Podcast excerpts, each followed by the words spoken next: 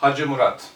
Tolstoy'un 1896 ve 1904 yılları arasında yazdığı ama hayattayken yayınlayamadığı bir tarihi romandır.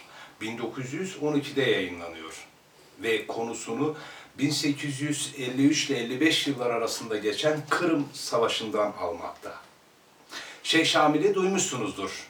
Kafkasların e, neredeyse bir halk kahramanı diyebileceğimiz bir savaşçı. Hacı Murat, Şeyh Şamil'in en büyük yardımcısı, en büyük komutanlarından birisi. Ve Şeyh Şamil bağımsızlık savaşı verirken yanında en çok güvendiği adamdır Hacı Murat.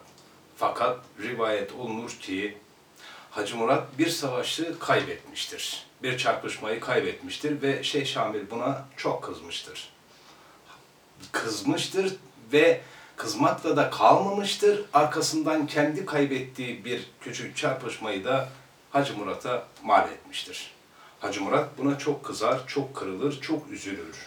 Ve Şeyh Şamil'den fikir ayrılığına düştükten sonra ayrılır. Fakat Şeyh Şamil bunu kendisine yediremez. Hacı Murat'ın ailesini esir alır ve yeniden bana tabi ol diye Hacı Murat'a haber gönderir. Hacı Murat ona yeniden tabi olmaz. Çocuklarını yani eşi ve oğlunu kurtarmak için bir sürü plan yapar. Fakat hiçbirisinde başarılı olamaz. Son çare olarak Ruslara sığınmayı düşünür. Ruslardan yardım alıp Şeyh Şamil'in elinden kendi ailesini kurtarmak. Romanda bunlar anlatılıyor tabii. Ama e, romanın gerçek bir tarafı var. O da şu, bugün Rus arşivlerinde Hacı Murat'ın Ruslara sığındığı ve orada bir müddet kaldığı, daha sonra hayatını bir şekilde kaybettiği, nasıl kaybettiğini size söylemek istemiyorum. Çünkü romanı okursanız bunu e, kendiniz göreceksiniz. Arşivlerde yer almaktadır. Fakat e, gene de iki söylenti var bu konuda. Yani Hacı Murat'ın Şeyh Şamil'le ayrılığa düşmesi ve Hacı Murat'ın Rus birliklerine teslim olması konusunda iki teori var. Bunlardan bir tanesi şu. Gerçekten de Hacı Murat Şeyh Şamil'le fikir ayrılığına düştü ve Şeyh Şamil onun eşini ve oğlunu esir aldığı için Ruslardan yardım alarak Şeyh Şamil'in üzerine yürüyüp ailesini kurtarmak. Bir başka fikir ise Rusların daha çok inandığı bir e, teori bu.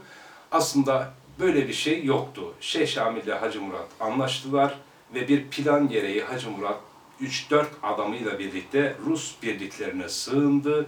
Orada ne var ne yok hepsini öğrenecekti. Hatta onların güvenini kazanıp birçok silahı alacaktı ve onları tekrar Şeyh Şamil'e getirecekti. Yani bir anlamda bir casusluk e, diyebileceğimiz bir durum söz konusu. Hangisi olursa olsun bizim için önemli olan kitabın edebi değeri. Gerçekten de güzel, bilinen klasik bir Tolstoy kitabı. Bunun üzerine çok fazla şey söylemek doğru olmaz. Umuyorum ki siz de kitabı okuduğunuzda hem bir tarihsel kişilikle karşılaşmış olacaksınız ki bu şey Şamil'dir ve komutanı, en büyük komutanı, en büyük arkadaşı Hacı Murat'tır. Bununla karşılaşacaksınız. Hem de 1800'lü yıllardaki Kafkasya coğrafyasını özellikle Gürcistan, Tiflis civarlarını ve o dönemin Rus ordu yapısını ve tavırlarını da çok yakından görmüş olacaksınız. Aslında okuması da güzel, sürükleyici bir kitap. Kitap sonunda bir ihanetle bitiyor diyebilirim. Yani roman bir ihanetle bitiyor. Nasıl bir ihanet? Bunu nasıl açıklamalıyım? Şöyle diyebilirim.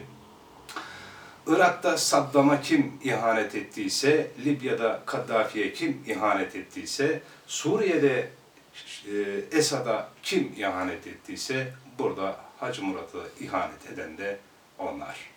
İyi okumalar.